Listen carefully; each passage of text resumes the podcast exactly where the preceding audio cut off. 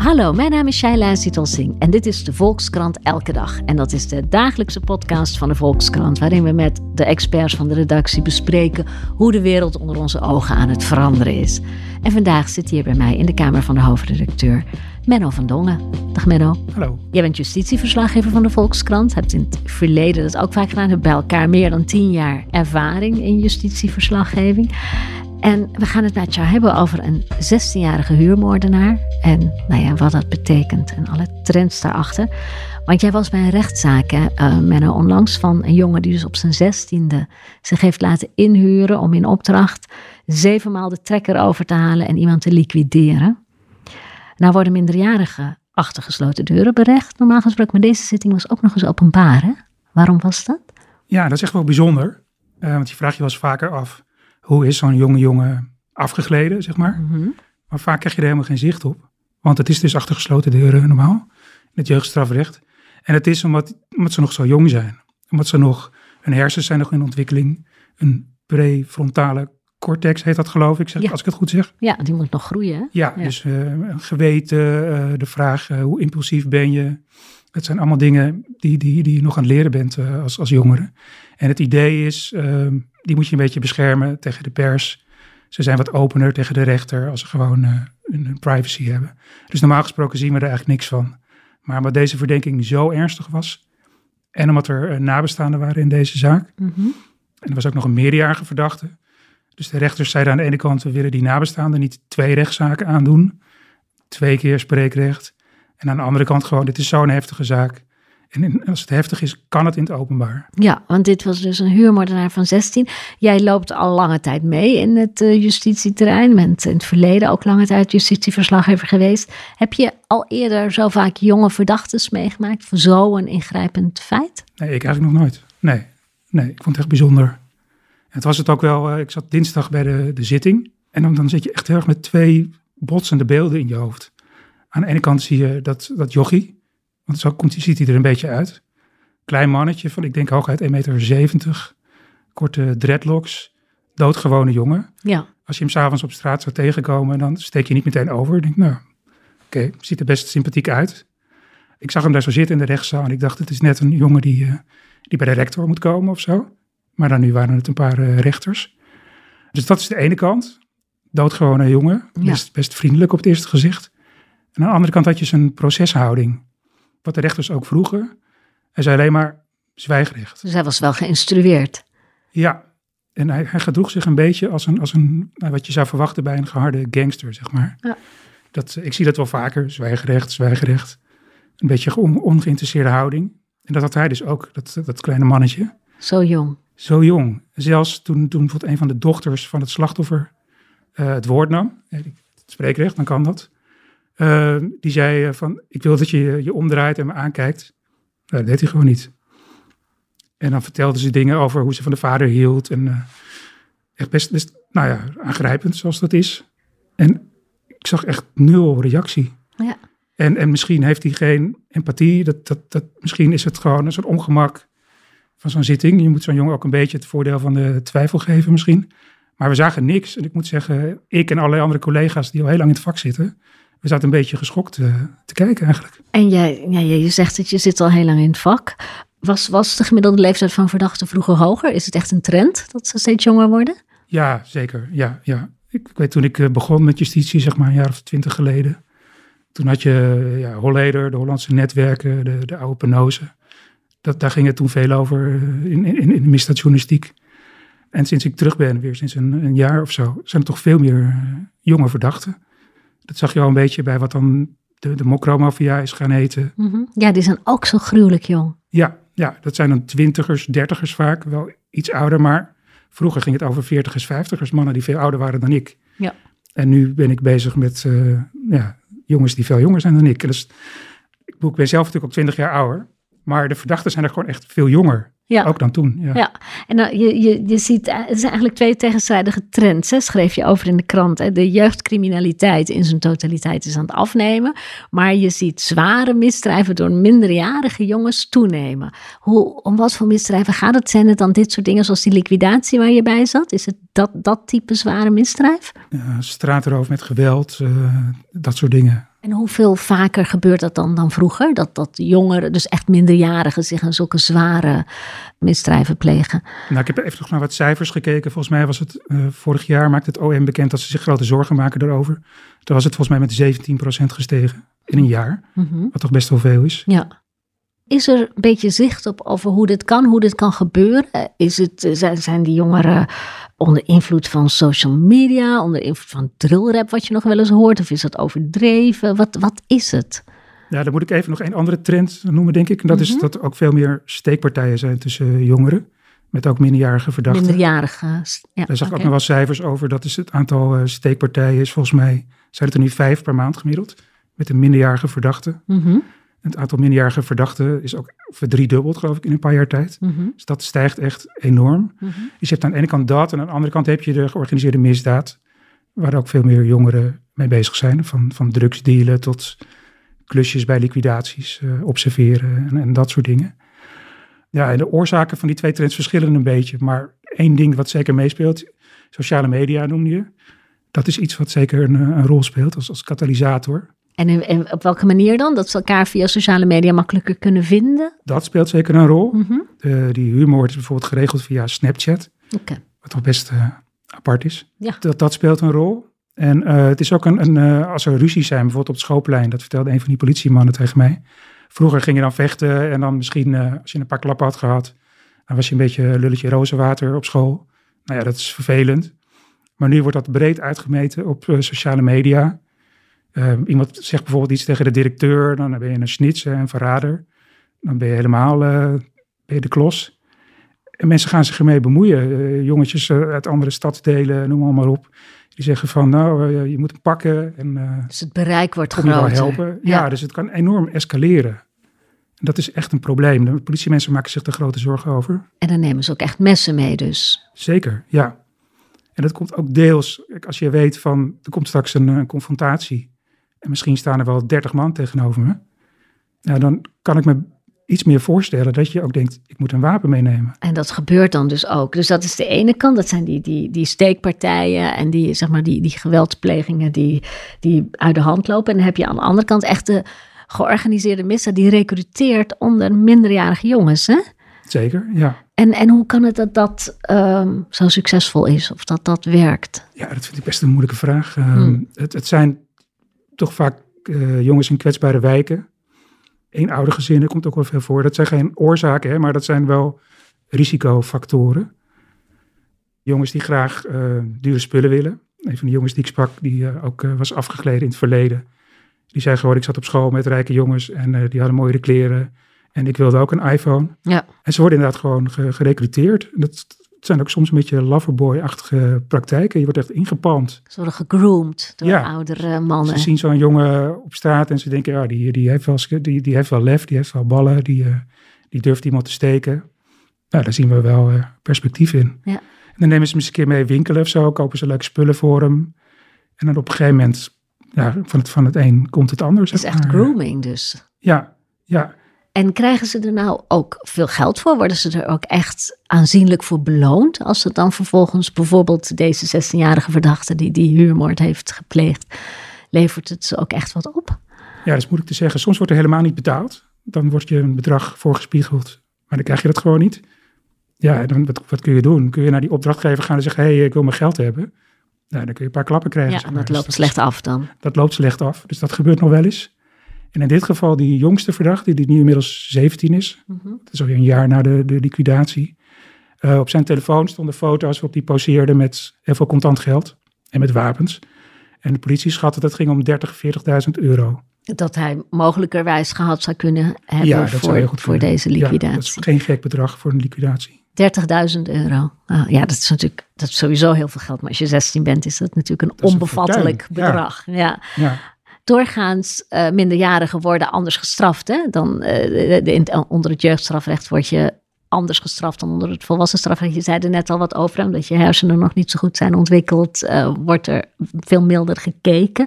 Geldt dat ook in dit soort gevallen? Als het echt om hele zware, om straatroof met geweld gaat, val je dan ook onder dat mildere jeugdregime? Doorgaans wel, ja. En is daar discussie over om dat te veranderen? Die discussie gaat een beetje twee kanten op. Mm er zijn ook mensen die zeggen, je moet gewoon nooit minderjarigen als volwassenen veroordelen. Echt nooit. Ja. Ook niet als het om een liquidatie gaat.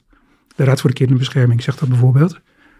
Want zij zeggen, geen kind wordt ooit beter van een lange straf. Ja. Je moet ze gewoon goed behandelen.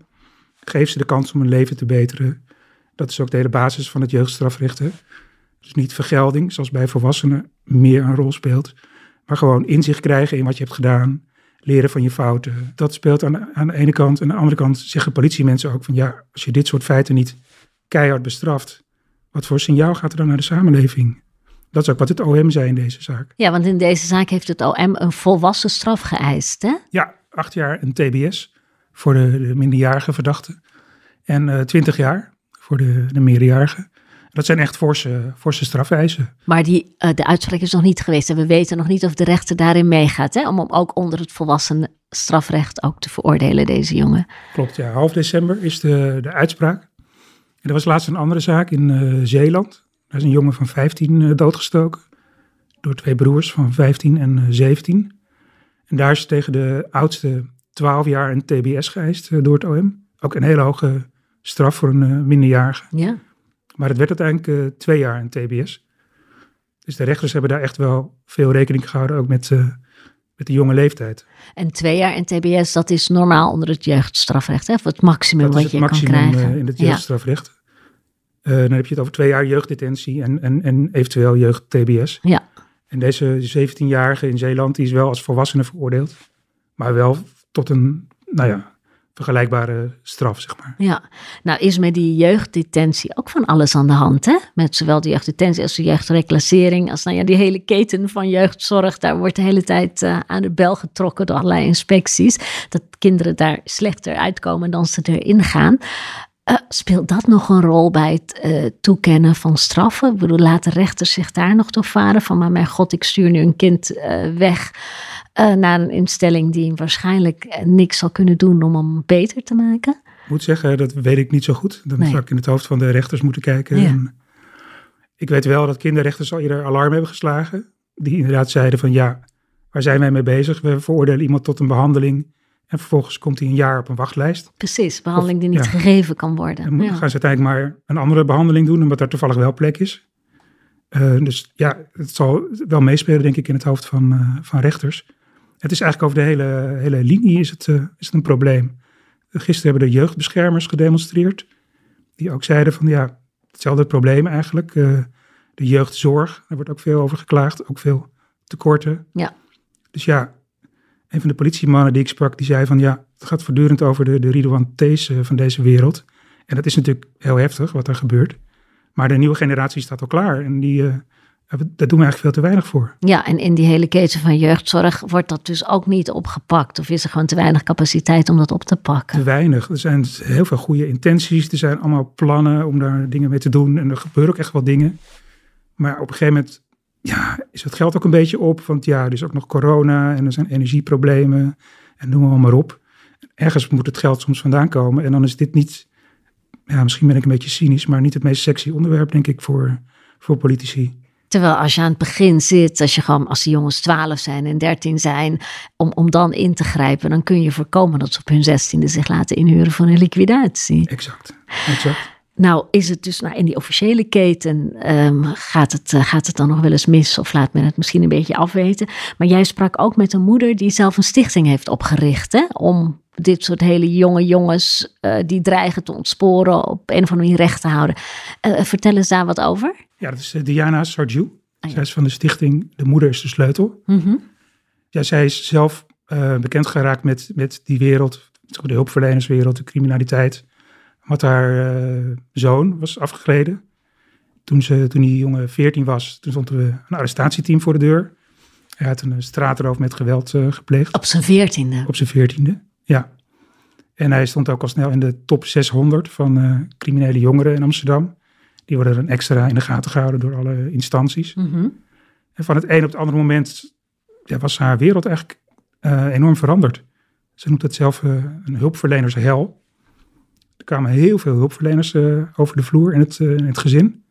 Er zijn volgens mij echt zijn tientallen instanties die zich bezighouden met, met criminele jongeren. Ja, en ze zei iedereen had een soort eigen kant-en-klare aanpak. Die vaak helemaal niet aansloot op het gezin. Ze waren ook vooral bezig met haar zoon, met, met Damien. En niet zozeer met de rest van het gezin. Er zat ook nog een andere zoon, er zat een dochter. En zij zei, zei, ik ging er eigenlijk aan onderdoor, aan die, aan die hulpverlening. En uiteindelijk, jaren later, kwam er een hulpverlener, die, dat was een meer regie, want dat is vaak een probleem, hè? Dat iedereen maar wat doet. Ja, en langs elkaar heen werkt, hè? Precies. Dat het allemaal heel verkokerd is. Ja, en uiteindelijk kwam er iemand en die, die was een soort verbindingsofficier, die had er, ja, die, die stroomlijnde dat wat. Die was ook 24 uur per dag bereikbaar, ook s'avonds, als er vooral problemen waren. En toen kwam ze er langzaam bovenop. En toen is er dus die stichting begonnen met het idee, ouders van, van verdachte jongeren, die worden veel te weinig gehoord. Ja. Er wordt een beetje op ze neergekeken van, ja, die mensen die hebben het uh, verprutst. Slechte opvoeders. Slechte opvoeders, uh, die weten er niks van. Wij zullen ze even vertellen hoe het wel moet. En ze zegt, zo werkt het helemaal niet. Je moet gewoon, je moet het samen doen. Je moet naast elkaar gaan staan, niet tegenover elkaar. Zij doet volgens mij heel goed werk. En ze helpen inmiddels niet alleen ouders, maar ook, uh, ook jongeren zelf. Dus ze zijn een soort eigen traject gestart naast de formele hulpverlening. Ja, zij kijkt ook een beetje cynisch naar de, de formele hulpverlening. Ze zegt er zijn hele goede intenties, maar soms is het ook een beetje, nou ja, subsidie binnenharken bijna.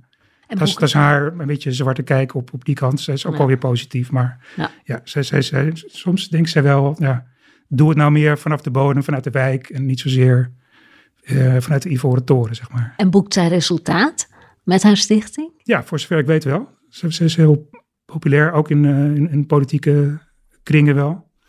Ze heeft goed contact met Dylan Jesselgus bijvoorbeeld, de minister van eh, Justitie en Veiligheid. Ja. En ze begon in Amsterdam, ze zit inmiddels ook in Den Helder en nog een grote stad, ik geloof Rotterdam. Dus volgens mij gaat dat heel goed, ja. En dan kan je dus echt in een vroeg stadium jongens die misschien dreigen af te glijden, een beetje bij de les houden.